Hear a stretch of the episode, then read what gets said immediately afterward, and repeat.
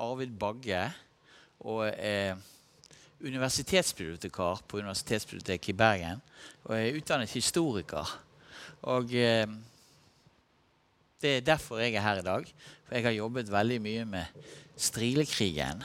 Det er en av mange temaer som jeg har vært opptatt av som er knyttet til 1700-tallet. Og en av de temaene som jeg synes er veldig spennende. For liksom som veldig mange andre i Bergen så har vi jo røttene våre på, på Strilalandet, uansett om vi, vi på, ikke tenker over det til, da, til dagen. Og det var egentlig det som gjorde at jeg ble interessert i å snakke om, om Eller interessert i dette med, med strileopprøret, eller strilekrigen i 1765. Da begynte jeg å lure litt på eh, hva disse menneskene hva som egentlig skjedde. Hvordan disse menneskene egentlig levde på denne tiden. Og, og det er på mange måter hva forhold de levde under. På mange måter drivkraften for at vi begynte å, å, med vårt forskningsarbeid på, på strilekrigen. Det endte jo da i denne jeg skal ikke si lille boken, men boken om, om strilekrigen som vi, vi, laget for en er, det, det, må være tre, tre og et halvt år siden den var ferdig. I dag så har jeg lyst til å snakke litt om strilekrigen og litt om bakgrunnen for strilekrigen. Eh, det storpolitiske har, må vi ha med oss inn her. Men også litt om livet på Strilelandet og livet i Bergen. Litt om skattene på denne tiden. Og så selvfølgelig litt om selve oppløpet og følgene av det. Og til slutt så har jeg lyst til å si litt hvor dere kan finne mer om strilekrigen hvis dere syns dette er, er spennende. Hva var strilekrigen? Ja, Strilekrigen det var et skatteopprør der mange tusen deltok, står det her. Men strilekrigen var jo på en måte mye mer enn det. Eh, det var et skatteopprør, men det må ses i sammenheng med at det er en krisetid, og det er en ekstraskatt som skaper uro i, i hele Norge, egentlig. Eh, I Bergen så er tradisjonelt strilene beskyldt for å stå bak strilekrigen i Bergen. Og det er sett som et, et bondeopprør. Det er fiskerbøndene som går til eh, angrep på byen pga. at de protesterer mot skatter. Men det er på en måte altfor enkelt. Vi leser om, om, eh, om eh, dette i et bredt utvalg av, av, kilder, så ser vi at dette er et oppløp hvor riktignok eh, strilene rundt Bergen er med, men det er også like mange bergensere med. Og det er også en stor kontingent med sunnhordlendinger med. Poenget er at fattigfolk kunne slå seg sammen og gjøre opprør mot øvrigheten, for de protesterer mot skatt. Vi skal si noe storpolitisk om, ekstras, nei, om, om strilekrigen. Eh, det var ekstraskatten som førte til eh, at vi fikk dette oppløpet.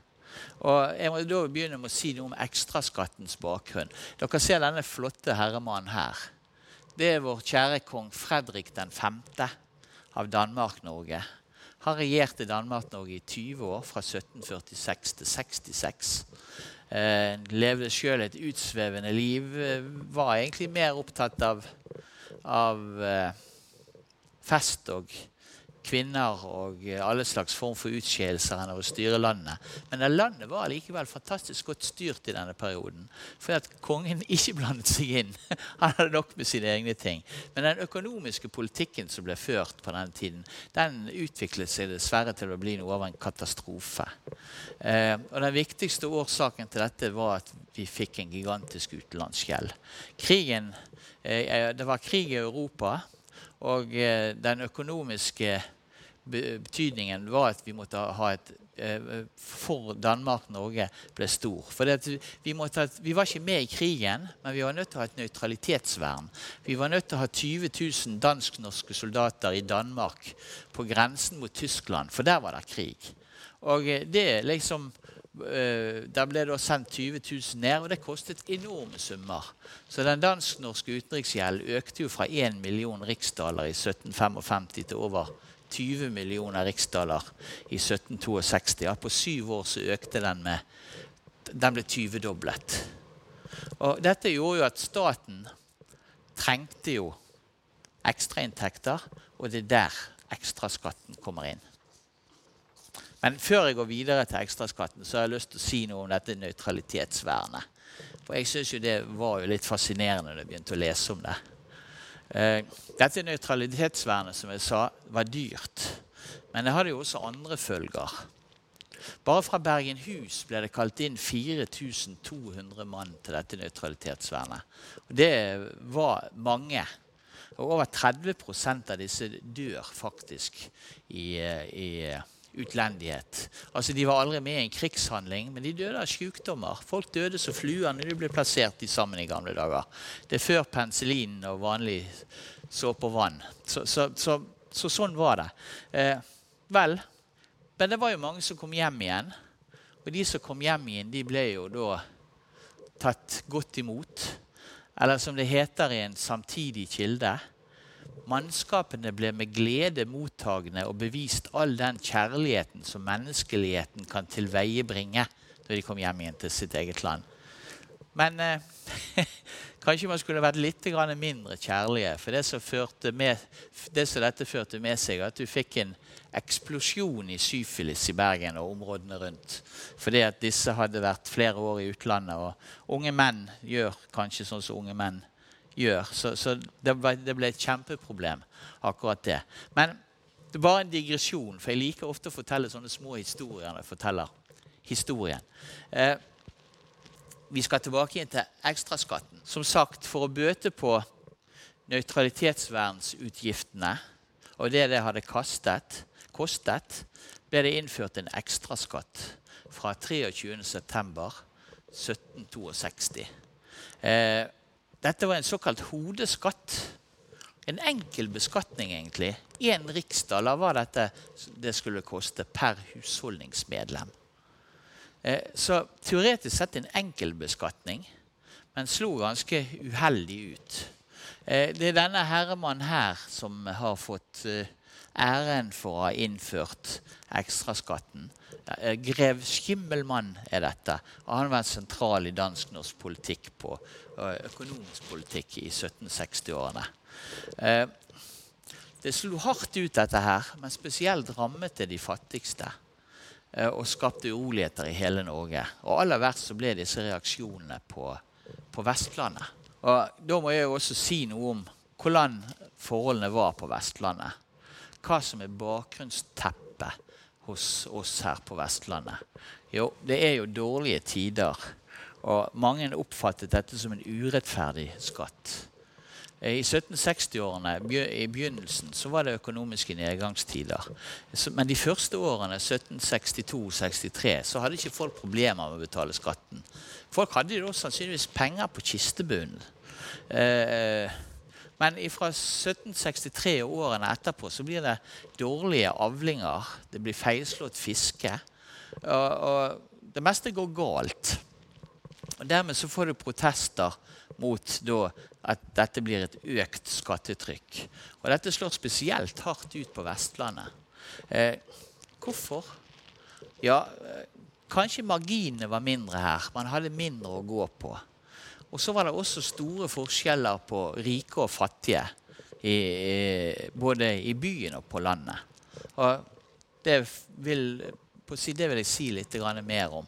Jeg må si litt om hvordan forholdene faktisk var eh, på, i, i, byen og, på landet på denne, denne, tiden. Men det som er hovedpoenget her, ekstra, ekstraskatten slår svært skjevt ut. Å betale vi kan sammenligne med i dag. Å betale 10 000 i skatt for en som har mye penger, det føles ikke hardt. Men 10 000 for en som virkelig har dårlig råd, eh, er jo veldig mye penger. Altså Det er det samme. Én riksdaler for en fattig mann var mye penger. Én riksdaler for en, en, eh, en rik mann var ingenting. Vi skal si litt om Bergen først. Dette bildet viser eh, Bergen på begynnelsen av 1800-tallet, altså noen tiår etter vårt, eh, etter, vårt, eh, etter strilekrigen. Eh, vel, det første man så, det var jo byens befestninger som lå knyttet til byen. Vi ser Bergenhus. Vi ser Nordnes, som var jo en festning på denne tiden, og Sverresborg over. Så kommer man inn, og så møter man Bryggen og de fine eh, bryggegårdene over på den andre siden så har vi strandsiden med tollboden og, og eh, masse pakkhus. Dette var på en måte den økonomiske kjernen på 1700-tallet i, i, byen. Og et yrende liv med skip overalt. Dette er bysamfunnet på denne tiden som strilekrigen bryter ut. Det er en, det er en travel by med travel handelsvirksomhet en by med en, ja, la oss si 14 000-15 000 innbyggere. Så i en norsk målestokk så er det en storby. Det er Norges største. Eh, I en europeisk bystandard så vil du kanskje si en middels, middels storby. Ja, levekårene var ekstremt varierende. Eh, vi kan begynne med å si noe om den sosiale sammensetningen. Kanskje 5-7% var det vi vil kalle rike. Storkjøpmenn og embetsmenn eh, kjøpmenn ofte med tysk opphav. En middelklasse var kanskje fem, mellom 15 og 20, 15, 16, 17 prosent. Og nærmere 70, mellom 70 og 80 her var faktisk det vi vil si fattige. Og det er enorme forskjeller på fattige og rike. Eh, og vanlige folk er jo naturligvis de som rammes hardest i dårlige tider. Eh, mange av de som eh, var vanlige arbeidstakere, var dagleiere. De fikk arbeid dag for dag. Og de fikk akkurat nok til at de kunne overleve i gode tider. Og sykdom og død, nei, sykdom og alderdom førte jo ofte til ja, fattigdom og tigging. Her har vi Krylelampe, som kan på en måte være en representant for det. Var, da, var man handikappet, så var man per definisjon ikke i stand til å ta vare på seg sjøl, og endte ofte da som fattige og tiggere. Eh, og sykdom og alderdom førte som regel til fattigdom. Så veien til tiggerstaben var veldig kort. Og som sagt, forskjell på folk på alle vis. Men klær hadde jeg lyst til å si noe om. Rikdom, Rikfolk hadde jo ofte en flott garderobe, gjerne det siste innen franske moter. Fattigfolk, eller vanlige folk, de hadde gjerne bare ett sett klær. Du ser denne unge mannen her. De såkalte gangklærne. Og disse klærne de brukte de hele tiden. Det var det klessettet de hadde. Og så må dere sjøl tenke. Dette var folk som jobbet på kaien med å låse fisk. Det var folk som grov grøfter i byen. Det var folk som bar varer hjem til fintfolk. Tenk dere stanken. Vi kan ikke forestille oss det engang. Også når det gjelder boliger, er det jo enorme forskjeller. Overklassen eide fine boliger, gjerne sentralt i byen. Og I tillegg så hadde de ofte lystgårder utenfor bykjernen. Her har vi Fjøsanger lystgård. Fantastisk vakkert, syns jeg. Eh, på siste del av 1700-tallet var dette kronenes lystgård. Fattigfolk derimot bodde gjerne til leie eller i skur i utkantsområdene av byen. Ettromsbekvemmeligheter for hele familien. Her åt, drakk, oppdro man barn, formerte seg. Egentlig litt vanskelig for oss å forestille seg at dette var det gjengse for vanlige folk. Også når det gjaldt mat og drikke, var det forskjell. Normalt så levde bergensfiffen relativt nøkternt. Men de hadde jo masse fester, da. Biskop Pavel, som kom til Bergen på begynnelsen av 1800-tallet, kan fortelle at Bergens middagsselskap sjelden hadde mindre enn fem retter og aldri sluttet før halv to om natten. Og når han kom på sin første visitt til Bergen, så ble han mottatt med søt vin og syltetøy, kaffe, sjokolade og te, og endelig en delikat punch. Fattigfolk, vanlig kosthold, var vasskraut på bygg og fisk. Som regel salt sommersild. ferskfil var, var for dyrt. Ja, Sjøl i graven var det forskjell på folk. Fattigfolk havnet i, i hvert fall i Bergen på fattigkirkegårdene i St. Jakobs og St. Martins. Kanskje så mye som 70 av innbyggerne havnet i massegraver. Vi tenker ikke over dette i dag, for det er et helt annen virkelighet vi snakker om. Eh, rikfolk havnet i egne gravsteder, derimot. I sjølve kirkegulvet eller i flotte graver på kirkegården. Og Da var det store seremonier og klingende klokker. Ja, Strilalandet Forskjellen de samme forskjellene som vi nå har nevnt i byen, de finnes jo også på strilandene. En stril, ja, da har vi diskutert fryktelig mye på hva en stril egentlig er. Eh, men en av de enkleste betegnelsene er jo en som ror til byen på en dag. Eh, tradisjonelt sett så er jo begrepet knyttet til Nordhordlen. Nordhordlen er da ikke det samme som Nordhordaland i dag. Dette kan være Nordhordlen, men Nordhordlen var egentlig fra grensen til Sogn og ned til Os. Og det omfattet også deler av Hardanger og østover til Voss. Så, så, så det er en helt annen inndeling av, geografiske inndelinger vi har i dag. Og her bodde det så mye som 25 000 mennesker på denne tiden. Så det var egentlig betydelig menneskemengde. Forholdene her var enkle. Det var jordbruk og fiske som var det sentrale, og eh, en, en bytteøkonomi. Eh, bildet vi ser her, det er rett ifra nabolaget mitt der jeg bor i dag. Det er fra Åstveit i Åsane. Det er en klassisk husmannsplass. Eh, det var enkle boforhold, sånn som vi har beskrevet i byen. Jordbruket ble fremdeles i hovedsak drevet med gammel teknologi. Plogen hadde ikke fått sitt inntog. Det var spaden som gjaldt. Og her var få selveiende bønder i Nord- og Midt-Hordaland. Ca. i 1750 var det 25 eh, Seileierbrukene var veldig små, egentlig, og ofte avhengig av attåtnæring. Men ellers var de fleste bøndene leilendinger. Leide jorden via bykseskontrakt, og ofte på livstid. Vi snakket om byfolkene sin kost. Vanlige folk på landet hadde ikke det særlig annerledes. Kosten var melk, graut, flatbrød og fisk.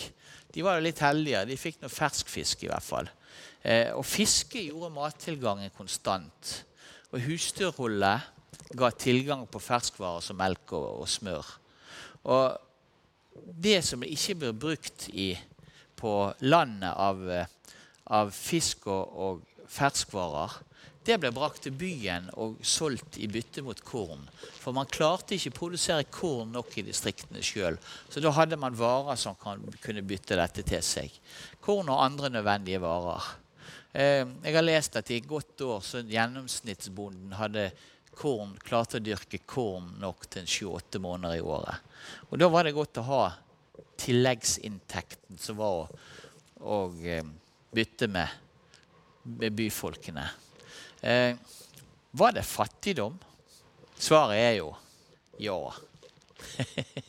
eh, eh, sorenskriver Garman, som var sorenskriver i, i Nordhordland, han forteller at noen steder var om våren ansett for en lykke bare de hadde bark nok å putte i brødet. Det høres forferdelig ut, og det, det er det jo òg.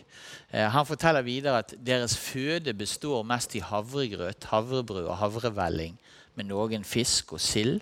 Og de fleste deres innbo er så ringe at de istedenfor sengekleder kun har et fattig dekke eller pjalt å skjule seg med. Vi snakker jo om å slå våre pjalter sammen i dag. Jeg er ikke sikker på at du har blitt så varm av det. Det er rett og slett filletepper. Det var en pjalt. Så det ga jo ingen stor ga ingen stor rikdom å slå sine pjalter sammen. Eh, så Garman mener at allmuen på Strilelandet var de faktiske ute i stiftet, ja, kanskje i hele Norge. Vi vet jo ikke om dette er 100% riktig eller dekkende. For vi må jo huske på at det var jo viktig å fremstille seg så fattige overfor øvrigheten. For jo fattigere det var, jo mindre skatt måtte du betale. Så dette er ett bilde på dette. Vel, jeg må jo si noe om samspillet mellom striler og bergensere. Eh, som jeg har vært inne på, Det er et gjensidig avhengighetsforhold mellom byfolk og striler. Strilene trenger korn og kramvarer fra byen. Byfolkene trenger ferskvarene som strilene har med seg, som kjøtt, melk og grønnsaker. Noen av de kommer med varene sine i kjiper på ryggen eller lastet på kløvhesten. Sånn som disse fanabøndene som er på vei inn gjennom byporten her. Andre kommer sjøveien med, med robåten. Og strilene er jo på denne tiden med å gi byen både farge og egenart. Så det er et viktig innslag, og sannsynligvis et, et, et, noe som er med å gi litt mer liv i bybildet i tillegg. Men denne tiden er også skattenes tidsalder. Det er fogden eller futen som innkrever skatten. Og det er presten som lager skattemanntalslistene. Så hele øvrigheten er med i dette for å få penger ut. Og dere ser jo dette bildet her. Det er et 1600-tallsbilde av skatteinnkreveren og hans assistent. De ser jo ond ut. Det er ikke noe annet å si. Og skatteinnkreverne var forhatte. Ja, nesten på grensen til å være demoniserte i, i, på 1600-1700-tallet. Og skatten ble da eh, betalt inn på tinget. Og I tillegg til disse store hovedskattene så var det et hav av småskatter. Du hadde, eh, du hadde leilendingsskatt, du hadde odelsskatt, du hadde leidangskatt osv. Til sammen var skattetrykket kanskje 10-15% Så i dag hadde vi jo ropt hurra hadde vi hatt det skattetrykket. Men, men poenget her er at her er veldig små marginer. Eh, man har ressurser for å klare seg i det daglige. Så med en gang det kommer noe ekstra, så blir det et kjempeproblem. Ja, Som ikke det var nok med at det var skatt. Man hadde jo også den gangen faktisk bompenger. Trodde dere det var noe nytt? Nei. Hver gang Stril skulle til byen med varene sine, så måtte de betale bompenger enten når de kom sjøveien i tollboden, eller i, i uh, statsporten når de kom, kom uh, sørfra. Uh, dette var så enkelt. De måtte betale en konsepsjonsavgift på alle varer som de skulle levere i byen. om det da var melk, slakt, smør, talg Man måtte betale. Ja, selvfølgelig hvis man var småfolk.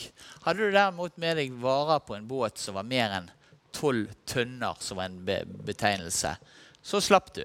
Da betalte du ingenting. For da var det tenkt at dette var varer som ikke skulle brukes i, i Bergen, men som skulle ut av byen. Så skal du tenke litt sånn hardt på det, så vil du tenke at det er vanlige folk som betaler skatt, mens storfolkene de slipper. Vel, også i byen betaler de sin del av skatten. I byen er det såkalte byskatten, eller servisen for å drive byen, som betales inn på fast eiendom. Og det legges også på næringsskatter. Men også her er det jo en million småskatter. Du har hospitalskatt, du har en delikventskatt, du har en fogdeskatt. Du har eh, betaling for å støtte opp hvis det kommer soldater til byen. og Da må du gjerne innkvartere en soldat i heimen din. Så det er ikke helt lett i byen heller. Vel, nå har jeg prøvd å gi et bilde av hvordan samfunnet var på denne tiden. Riktignok et veldig grovt bilde. Men vi ser at det, det er et sammensatt bilde. Folk eh, eh, lever nå sine liv, og så er det oppturer, og så er det nedturer, og så er det skatt, og så er det litt eh, på si dårlige tider og, og gode tider. Men i 1760-årene er det da dårlige tider. Som jeg var inne på, i 1762-63 så har de fleste, klarer de fleste å betale skatten. Men tidlig kulde ødela avlingene både i 1764 og 65. Og i tillegg så slo også fiske feil. Dette skaper fattigdomsproblemer når ekstraskatten kommer på toppen. Det er jo andre ting med denne ekstraskatten òg. Den er uklar den blir på en måte det jeg vil kalle enkel, men problematisk. For det, hele tiden så skjer det justeringer på ekstraskatten. Og det blir sendt ut fra København. Så er ikke det alle som får justeringene samtidig, så det blir forskjellig skatt i ulike områder. Og så kommer det flere forordninger eller endringer i, skatte, i skattegivningen. Og disse blir også fortolket på forskjellige måter av myndighetene. Og sjøl embetsmennene sliter med å forstå hva som egentlig ligger i regelverket, for det er så komplisert. Og I tillegg så begynner falske forordninger som forteller at man skal jo egentlig betale mye mindre skatt enn det som kommer fra myndighetene. De òg begynner å versere. Det er spesielt en fra 1763 som blir viktig her. Og Så blir det gitt skattelette, men det gis bare til selveiere. Og som vi var inne På på Vestlandet var jo 75% leilendinger. Så de, fikk, de, måtte beholde skatten. Så folk begynte jo da naturligvis med det sammensurium som er her. Så begynte jo folk da selvfølgelig å lure på er nå dette egentlig en skatt fra kongen i København. Eller er det en skatt som embetsmennene har funnet på for at de skal ha litt ekstra penger og så stappe i lommen sjøl? Klart, naturligvis. Det skulle forundre oss hvis det ikke folk begynte å lure. Så kommer vi jo til det som er jo kanskje det, det verste oppi dette her. Skatteinnkrevingen. Skatteinnkrevingen var basert like mye på skjønn som på lister og på manntall. Eh, noen innkrevere de laget fortegnelser og lot skattyterne beholde det de trengte for å overleve. Andre der var ingen hensyn i det hele tatt. De la beslag på alt de kom over av verdi, inkludert ting som var helt nødvendige for livsoppholdet. Husk, de levde av graut. Enkelte lensmenn tok grytene med. Husk, de levde av fisk. Enkelte lensmenn tok båtene til folk. Altså, De tok livsgrunnlaget vekk fra folk. Eh, alle var ikke sånn, men det er noen skrekkeksempler som jeg har lyst til å nevne. Den verste han satt ute i Sotra. Jens Mikkelsen Vårland i Sarto skipredde. Lensmannen der han var nådeløs. Eh, men han var ikke alene. Det var flere rettssaker mot ulike lensmanner for de hadde drevet skatten inn for hardt. Eh, vår venn eller uvenn Vårland eh, han gikk til folk og tok gryten og skjæringen, altså der du regulerte gryten i forhold til varmen, med seg fordi at de ikke kunne betale. Skrekkeksempelet var han stakkaren som hadde en blind og seng sengeliggende kone og en datter som var lam, lam på hender og føtter. Så helt sånn samvittighetsløs. Samme mann krevde skatt for barn som hadde vært død et halvår i forveien. Og samme mann kom til fiskeren Hans Teie tok med seg madrassen, for det var ingenting annet av verdi. Når han kom ut og regnet på det, så så han at det var ikke nok, så jeg gikk inn og tok dynen like godt. Altså det, det, det, det er jo skrekkbilder som beskrives her. Og som ikke det var nok. Fremdeles så kom det ikke nok penger i denne kisten. Så man startet en militær innkreving. Ehm, det var prest da fra rentekammeret. Så fogd Oluf Bildsø på Eh, i Nordhordlen måtte starte en militær skatteinndriving. Eh, denne skatteinndrivingen besto av en trio med soldater, omtrent sånn som dette. En sersjant og to soldater fikk nærmest uinnskrenket makt. Og De så jo dette som en mulighet til å legge dikte sine egne gebyrer òg. Så det kom, kom i, i, på toppen av alt det andre. Så disse soldatene, som det heter i en gammel kilde, de opptrådte som rene bondefloer i det på forhånd utpinte distrikt. Altså, ja, Det var på landsbygden. I byen så var det for så vidt forholdene ikke så mye bedre. I byen så var det sånn at en tredjedel av befolkningen klarte ikke å betale skatten. Altså Det var 9300, nesten 9400 skattepliktige. 3500 av disse hadde ikke muligheten for å betale denne skatten. Da var det de, Skatten fungerte sånn at hvis det var noen som ikke kunne betale, så måtte de som kunne betale, betale for dem. Og da var det 600 760 innbyggere i Bergen som ble pålagt å betale for disse. Problemet i Bergen var at de samme som krevde inn skatten, og samme omgangskretsen, det var de som også skulle betale denne skatten. Så det viste jo seg at bergenserne de betalte jo nesten ikke inn skatten. Vi kommer tilbake inn til det. Vel, vi kan godt forstå at dette skaper eh, uro. Dette skaper protester. Eh, derfor går der ulike brev og delegasjoner fra Vestlandet til København for å be om skattelette. Et bønnebrev sendes i februar 1764. En delegasjon reiser sommeren 1764.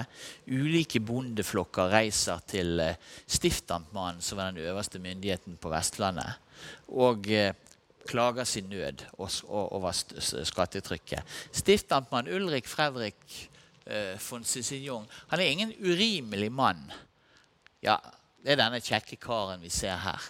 Eh, han eh, lover å sende et bønnebrev til København for å hjelpe eh, bøndene. Han lover også å hjelpe dem med reisepenger hvis de vil reise ned. Så alt virker jo som noe alltid er rolig. Og så går folk og er godt fornøyde.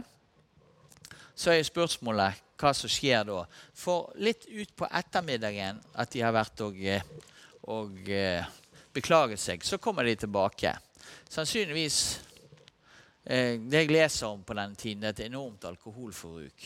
Jeg har alltid forundret meg at de har hatt råd til å drikke, men de har ikke hatt råd til mat. Men, men, men det er greit. Der kommer en mengde folkemengde tilbake litt utpå ettermiddagen. Og jeg leser at noen av de er drukken, men ikke ikke den store mengden. Men de møter i hvert fall opp, og så krever de å få se den ekte forordningen. De har sittet og hisset seg opp, eh, enten det er på skjenkestua eller det er hjemme hos venner og bekjente, og vil nå da se den ekte forordningen. Og det er Den forordningen spiller jo en rolle. Den ekte forordningen det er den jeg nevnte. Det som de trodde var den ekte. Det er den falske forordningen fra 1763. Men dette er jo klart også, dette er jo ingen forordning som Cicignon har. Eh, denne forordningen som skal gi skattelette til de aller fleste, den eksisterer ikke. Og Han sier at alle må jo betale de skattene som kongen har pålagt dem. Eh, vel, han blir da forsøkt angrepet av disse bøndene. Det er først og fremst Fana-bøndene som er ivrige her. Og han får da hjelp av oberst Dittrichson til å komme seg tilbake igjen til eh, eh Inn i hjem igjen, for å si det på godt bergensk. Eh, Dittrichson sprer da disse bøndene på en ganske brutal måte med geværkolber og bajonetter. Så det er mange som får noe men ut av dette. Vel, Cecil Jung er jo da sjokkert, for amtmann, stiftamtmannen han var nest etter Gud, han. Altså Han var så mektig. Det, altså Dette er jo et samfunn hvor du har de som er øverst, skyhøyt over de som er nederst. Så det å legge hånden på en, en, en embetsmann eller prøve på denne måten, det er helt uhørt. Så han er egentlig sjokkert over at de prøver på det. Og han sender da denne sublikken til, til bøndene til, til, København med et brev om de urolige forholdene. Og eh, stopper den militære inndrivelsen. Og Noen dager seinere stopper all inndrivelsen. Men bare en ukes tid etterpå så kommer jo da trussel om at dette skal startes opp igjen fra fogden Bilsø. Eh, vel, bøndene de går til vår venn Soren sorenskriver Garman, og han anbefaler de å vente. Ikke gjør noen ting nå. Ikke, ikke prøv å presse noe mer nå. Vent i, de fem-seks ukene som det vil ta før det kommer et brev. Så, så, så eh, kanskje det brevet inneholder opplysninger som kan være til hjelp for dere. At kanskje det kommer med nye skatteregler. Eh, vel, det går fem-seks uker, og ingenting skjer.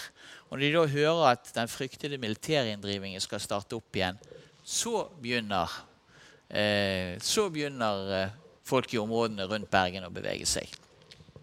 Løpesedler blir spredt i hele Nordhordland om at man skal møte i Bergen 18.4. Og 18.4 var det kommet mye folk. Kanskje nærmere 2000 striler var kommet til Bergen. Omtrent sånn ser jeg liksom for meg at det må ha sett ut på, eh, på bryggene rundt torget og, og eh, Bryggen.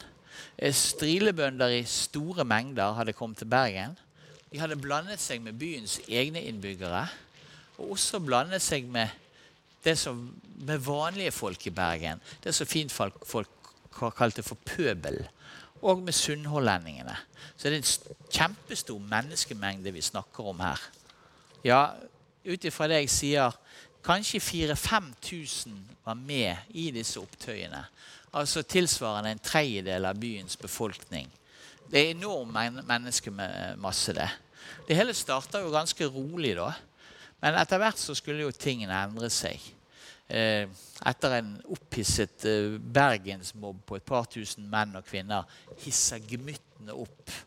og de er like fortvilt som bøndene over de levekårene de lever under. Så dette tar jo litt av. Eh, man oppsøker jo selvfølgelig stiftamtmann jong. De vil ha svar på dette brevet fra Mars og så vil de få høre seg om ekstraskatten. Det hele går først ganske rolig for seg. Eh, det er to delegasjoner hos stiftamtmannen før en tredje ankommer. Og de to har snudd med uforrettet sak. Når en tredje kommer, så trenger de seg inn i stiftsgården. Eh, de lar seg ikke lenger avfeie med ord, men blir stående og diskutere i forrommet i stiftsgården med Cicignon. De vil da ha svar, som sagt, på brevet fra Mars. Eh, misforståelser vedrørende ekstrastaten Unnskyld. Vedrørende eh, ekstraskatten eh, går over i beskyldninger og i krangel. Eh, et ordentlig munnhuggeri bryter løs mellom Cicignon og disse bøndene. Og når en av disse bøndene kaller, kaller Sissin Jong for kongens tyv, da hisser Cicignon. Da prøver han å dra korden. For å kalle en mann en tyv på denne tiden, det var den ultimate æres, æreskrenkelse. Dette kunne man egentlig ikke gjøre. Og når de ser Cicignon sin reaksjon, så hopper de på han. Og eh, de gir han egentlig juling. Eh, han får ikke litt juling, han får masse juling. Cicignon får parykken revet av og hatten revet av. Ridderbåndene som de gikk for å vise sin, vise sin verdighet, ble revet av og flattrampet. Og klærne samme veien, som står igjen i, i, i, i undertøyet. Eh, men Cicignon sin tjener klarer da å få berget han inn i et annet rom og, og stenge døren for mobben. Altså, det er vanskelig for oss å forestille seg, men, men, dette er Hva skal du sammenligne med hvis noen hadde dratt ut kong, kong hvem er det vi har som konge? holdt på å si, Kong Harald. Og, og, og flerret av han klærne på offentlig plass. Og enda verre enn det. fordi at her var det enorme forskjeller på øverst og nederst. Og, og eh, dette, dette kunne man ikke gjøre. Vel, på samme tid så er jo biskop Olof Biskop, unnskyld meg. Eh, fogden Olof Biltse òg kommet til Bergen. Han skal til gå, gå, til alters. Og så skal han gi beskjed om at bøndene begynte å samle seg i distriktene og kom til Bergen. Bildsø blir passet opp av en ilter flokk på Rådstuallmenningen. Eh, og eh, han blir da utsatt for et brutalt kryssforhold. Lederen for disse soldatene det en, nei, lederen for den gjengen det er en soldat, Ola Høvik, som var kledd i akkurat denne gardeuniformen. Det er derfor vi viser dette bildet her. Bildsø klarer til slutt å komme seg unna og tror han kommer seg i sikkerhet fordi han klarer å komme seg inn i stiftsgården. Stiftsgården blir nå rett og slett beleiret. Og etter mye frem og tilbake så klarer menneskemengden å bryte seg inn i stiftsgården. Eh, ledet an av alle verdens folk av en bergenser. Bergenseren Jokum de Lange som har kjøpt seg gårdsbruk ute på, på Flatøy i Nordhordland. Egentlig en, i våre, våre, betegnelser en millionær. Altså Han en ar rik arving som har funnet ut han skal gjøre, gjøre stril av seg. Og står da i spissen for den inntrengingen i stiftsgården. Og Bilsø får de tak i. Han blir båret ut av huset. Mens stakkars Sissin Jong han har allerede kommet seg ut av huset og gjemt seg i hagen. Og Der blir han funnet og slept ut på rådstuemenningen. Begge de sentrale embetsmennene dermed i folkemengdens vold, og situasjonen er helt ute av kontroll. Og Cicignon trodde jo at livet hans var over. eller som sier, Han trodde han skulle bli et slaktoffer for ekstraskattens ytelse.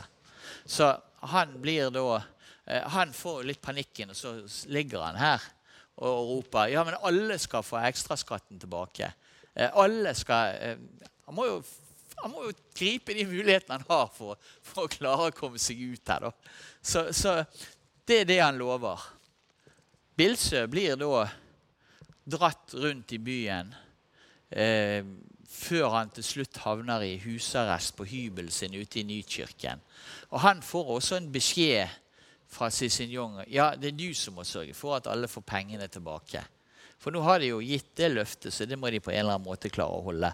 Og uh, Han holder jo egentlig til på Askøy normalt, uh, Bilse, men han har hybel ute på Nykirken. Så det er der alle pengene skal betales ut ifra. Men opprøret er jo ikke over.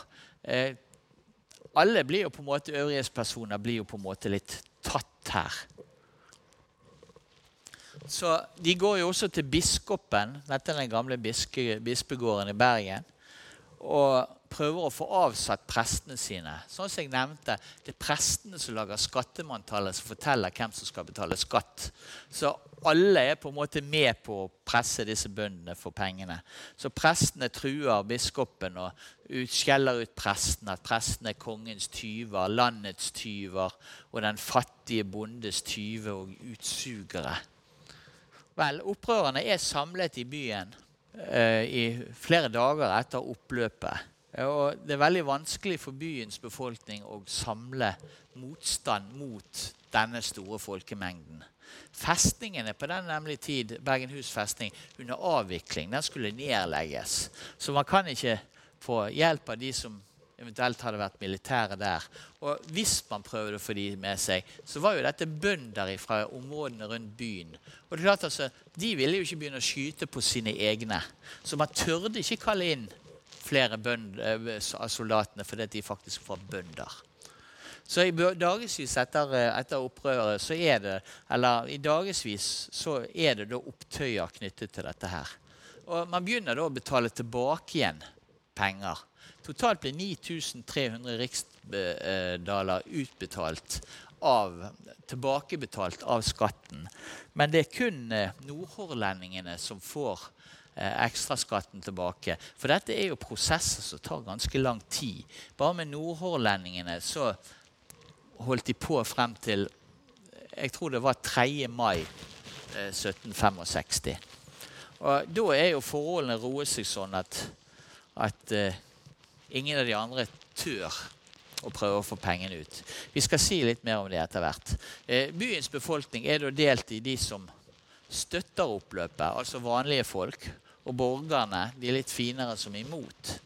Eh, borgermesteren sender i et brev til København en eh, har sterk advarsel og forteller at vi har siden dette opprøret begynte levet like som i de hårdeste krigstider. Det er borgermester Hilbrand Meyer som skriver dette. Sissel Jung han slipper ganske fort ut av sitt fangenskap og kommer seg inn igjen i stiftsgården. Og Der har han troe soldater da, som da blir plassert utenfor huset med bajonetter og med ladde geværer og med to kanoner. Og Det som er litt absurd her Dette skjer fra 18. april. Allerede 20. april kommer det brev fra kongen som forteller at alle bøndene har fått skattelette. Men det er det ingen som tror. De tror at dette er jo noe han Sissin Jong bare diktet opp for å få tingene til å roe seg ned. Det er sånne paradokser her. Eh, når alt kunne vært ordnet, så gikk ikke det sånn, og så blir det, blir det kaos. Eh, vel, Jung sendte allerede 19. Eh, eh, april av gårde en rapport til København og ber om at det kommer en undersøkelseskommisjon og en, en eh, stor kontingent med vervede soldater til byen. Eh, nå klarer han også å få inn i, utover i disse, begynnelsen av disse aprildagene, 20., 22., 23., 24., eh, å få inn flere soldater som ikke hører til i bergensområdet. Eh, han klarer også å få lagt et skip på Vågen med kanoner for å sikre at vi får flere eh, Sikre seg mot flere eh, angrep med robåter inn til byen. Omtrent sånn kan dette skipet ha sett ut. Dette er et litt seinere skip. Det er Merkurius som eh, hørte til i Bergen, eh, som er tegnet av Dreyer. Det er et veldig vakkert skip, så derfor jeg hadde lyst til å vise det. Vel, etter hvert så roer ting seg. Eh, og eh, vår venn eh, borgermester Meyer skriver til den danske embetsmannen i april, 27. april at byens pøbel synes nå for det første at være stillet. Og bøndene later like som de ikke tør yppe noe. Altså, etter en ti-tolv dager så begynner de som har fått pengene sine, å reise hjem. Så det blir mye mindre folk igjen i byen. Og de som er, hører til i byen, de skjønner vel at dette går ikke helt veien, så det blir stillere og, og, og, og stillere. Og nå begynner jo hevntankene selvfølgelig å bre seg blant de som leder byen. Meyer skriver i et sint brev til København uh, at man må sette i gang en straffeforordning uh, fra 1707 som krever at alle opprørere enten må bøte med livet eller må straffes med jern på Bremerholm. Det var en fengselsinstitusjon utenfor København. Eh, du kan ikke straffe 5000 mennesker i en by som har 15 000. Eh, kanskje par Halvparten av disse 5000 var jo bergensere. Så det, det sier seg sjøl at det går ikke an. Vel, uansett, man setter i gang forskjellige tiltak. Bl.a. ble det et forbud mot forsamlinger i Norge fra 5. juli. Det blir opprettet en undersøkelseskommisjon i København. Eh, ankommer Bergen med to krigsskip. Eh, her er hele 500 vervede profesjonelle soldater og to krigsskip som kommer til Bergen. Og det som er litt interessant, Her skal undersøkes ikke bare skatteinnkrevingen, nei, ikke bare oppløpet og det som følger med, men de har også beskjed om å undersøke skatteoppkrevingen og hvorfor bøndene gjør opprør. Altså, Det er ikke sånn at embetsmennene har riktig og bøndene har feil, men vi prøver å gå dypere inn og finne ut at er det noe som er gjort feil fra myndighetenes side. Det første de gjør, er å begynne å ruste opp byen og ruste opp festningen i tilfelle fremtidige angrep. Eh, det første kommisjonen gjør, det er å sende ut en plakat med krav om at all den ekstraskatten som er utbetalt, skal betales tilbake. Og dette skjer. Alle betaler tilbake. Her er sikkert en god porsjon frykt som er kommet inn til byen med denne store kontingenten med soldater. Mange måtte selge sine siste eiendeler. Eh, og det er en uforsonlig holdning fra kommisjonen i forhold til de som de tror, eller de som de håper å finne av ledere knyttet til, til, eh, til dette opptøyet. Man, man, man, man sier at eh, her skal statueres eksempler som alle, så alle som har for vært med å legge hånden på en, på en eh, øvrighetsperson, skal straffeforfølges. Og også de som har vært med å skrive falske forordninger. Eh, også, ja, de setter i gang forskjellige tiltak. Men det er først og fremst de som har lagt hånden på øvrigheten, som skal forfølges. 18. og 22. april så går det ut forordninger som forteller at eh, alle som har opplysninger om skatteinnkrevingen eller oppløpet, skal melde seg til kommisjonen. To eller tre menn fra hvert kirkesogn skal legge frem klagene eh, vedrørende ekstraskatten. Og til slutt så resulterer dette i en rapport av 22.10.1765. Eh, her forklares bøndenes opprør med fattigdom og nød. Her kommer en kritikk av skatteinnkrevingen. Eh, her kommer en kritikk av bøndenes brutale behandling av myndighetene 1.3. Eh, de, for, de, de, forstår at Bilsøs trussel om militær skatteinndrivelse som skal startes opp igjen, eh, skremmer folk. Og denne oberstløytnant Dittrichland som har gått løs på folk med bajonetter og, og, og eh, geværkolber, får sterk kritikk. Rapporten konkluderer vel jeg med at det er den brutale behandlingen av bøndene 1.3 som, eh, som eh, er årsaken til at bøndene samler seg så mannsterkt mot, eh, eh, mot myndighetene i byen.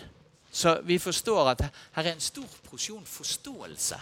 Man forstår egentlig hva, eh, hvorfor eh, disse tingene kan skje. Men å forstå det betyr ikke selvfølgelig ikke det samme som at det er noe de vil bare la gå. For her må man jo stativere eksempler. Eh, man kan ikke la folk slå øvrigheten og komme fra det med uskadet. Så der kommer da 22. mai 1765. Fin dato for øvrig, siden det er min bursdag. Eh, denne instruksjonen inneholder da beskjed om at eh, det loves 100 riksdaler til den eller de som kan komme med opplysninger om hvem som har skrevet den eh, falske forordningen i pennen, og opplysninger for å arrestere de som har vært eh, med å legge hånd på, øvrighetspersoner. Og Det er også viktig å arrestere de som har skrevet løpesedler. Jeg tenkte på når jeg leste om Det der, det er liksom sånn wanted som vi kjenner fra westernfilmene vi som vokste opp med de. Vel, en rekke personer blir arrestert. Eh, fire personer Jokum de Lange, eh, Ole Johnsen Høvik, Jon Rognaldsen Sletten og Ole Eriksen Svindal blir arrestert for å ha slått Cicignon og eh, Bilsø. De andre fire her, eh, Bjerkeli, eh, Leierdal, Bertramsen og Larsen, de blir arrestert for andre ting. Én for svindel, én for å ha hatt en falsk forordning, én for å ha vært med på et innbrudd for å ta fogden osv. Så, videre. så Så det er litt ulike på en måte, måter de er arrestert på. Vel, alle blir plassert i arresten i Rådstuekjelleren eller i det nyopprettede slaveriet på Bergenhus. Og Her er det kummerlige forhold. Eh, jeg leste en samtidig person som skrev om dette. Jeg lurer på om det var Klaus Fasting. Han forteller at selene var oppfylt med en så utålelig stank og usunne dunster at det nesten må anses umulig for umælende kreaturer har oppholdt seg der. Og enda verre for mennesker å hensitte der uten å ta skade på helbredden. Og du leser om det, så er det da snakk om at møkken den blir bare skuffet bort i krokene. Her er ingen lufting av av fangene. De kan sitte der i, i, flere år mens de venter på dom. Og det var en vanlig sak det at én til to døde hvert år som normalt svinn eh, for å sitte i rettslig og, og, sitte mens de venter på, på dommen. Vel, følgende her er at de fire minst eh, de fire minst eh, skyldige slipper vanlig rettsforfølgelse. De får faktisk valget mellom en rettssak eller tvangsarbeid på Bergenhus. Og alle valgte tvangsarbeid. Eh, ja, et halvt års tvangsarbeid var det de fikk beskjed om at de kunne velge fremfor rettssak. Og alle valgte da tvangsarbeid fremfor rettssak. Og eh, det forstår vi når vi hører forholdene de må da eventuelt sitte og vente på å bli dømt under. De fire hovedmennene, derimot, som hadde lagt hånd på Eh, øvrigheten, de skulle dømmes i vanlige rettssaker som vanlige forbrytelser. Og det ble de. I Bytinget ble Svindal, Sletten og Høvik dømt til døden. Og Lange til livsvarig straffarbeid. De tre første ble dømt til døden for de hadde faktisk slått uh, Cicignon. Sistemann hadde bare slått Bilse, og det var litt mindre farlig.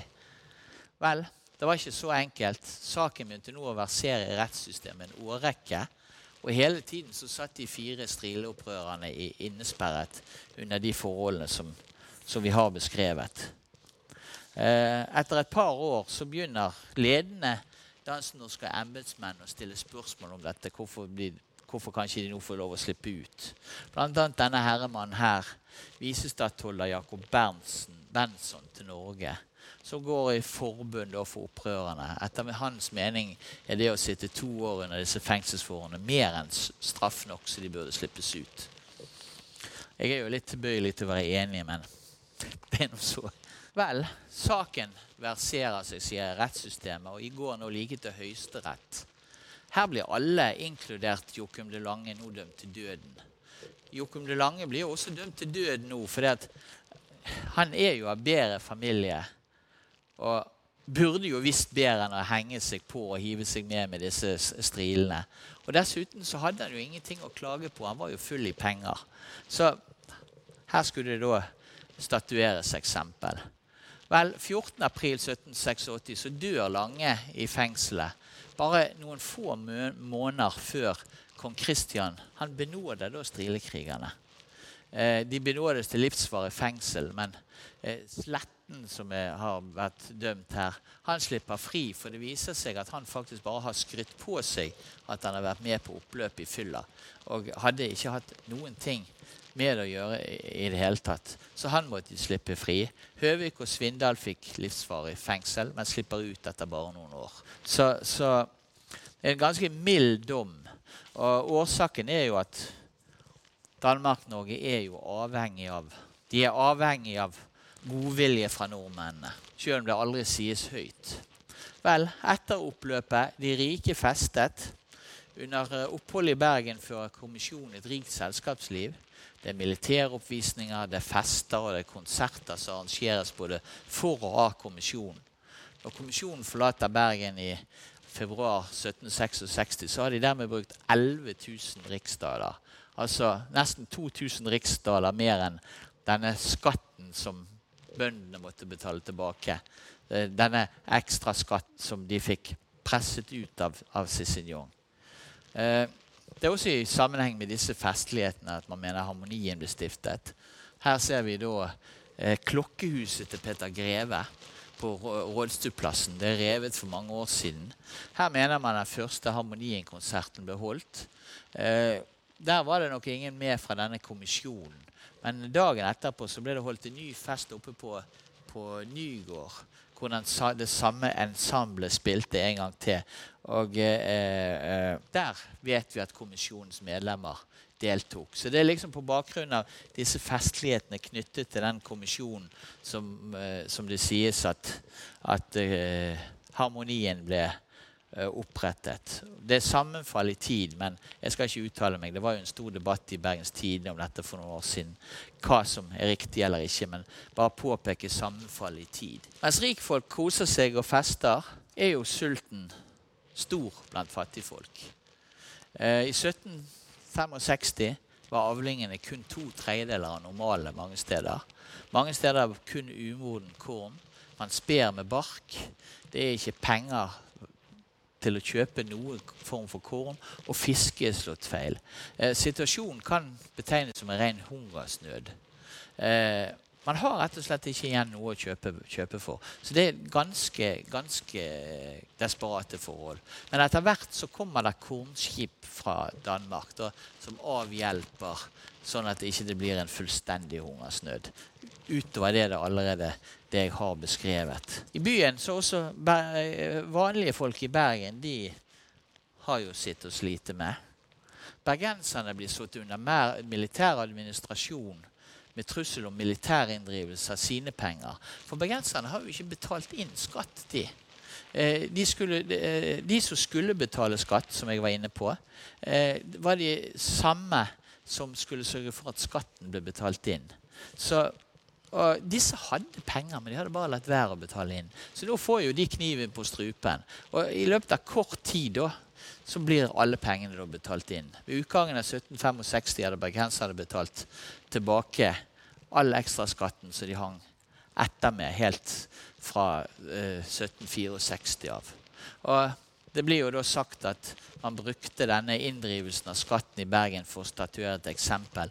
Én pga. bergenserne sin dårlige oppførsel under, under oppløpene. Eh, to rett og slett for å vise at man kan ikke unngå å betale skatt. Man skal følge det som er. Men skatt, eh, ekstraskatten får egentlig et kort liv etter dette i, i Norge. Eh, har, tidene roer seg. Men så igjen, i begynnelsen av 1770 så blir det krisetider. Vi ser at det er behov for å endre skattereglene. Og det er flere ulike forordninger som både bedrer og mildner eh, skatteinnkrevingen i årene som kommer. Men det blir igjen ekstremt dårlige tider mye fattigdom, så, så begynner jo den gnuringen eller mot ekstraskatten igjen. Eh, samtidig så skjer det et statskupp i Sverige. Gustav 3. kommer til makten.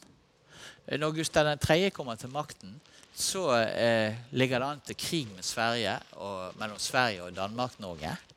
Og for å være sikker på at de norske soldatene er trofaste mot den danske kongen, så avvikler man rett og slett ekstraskatten i, i Norge.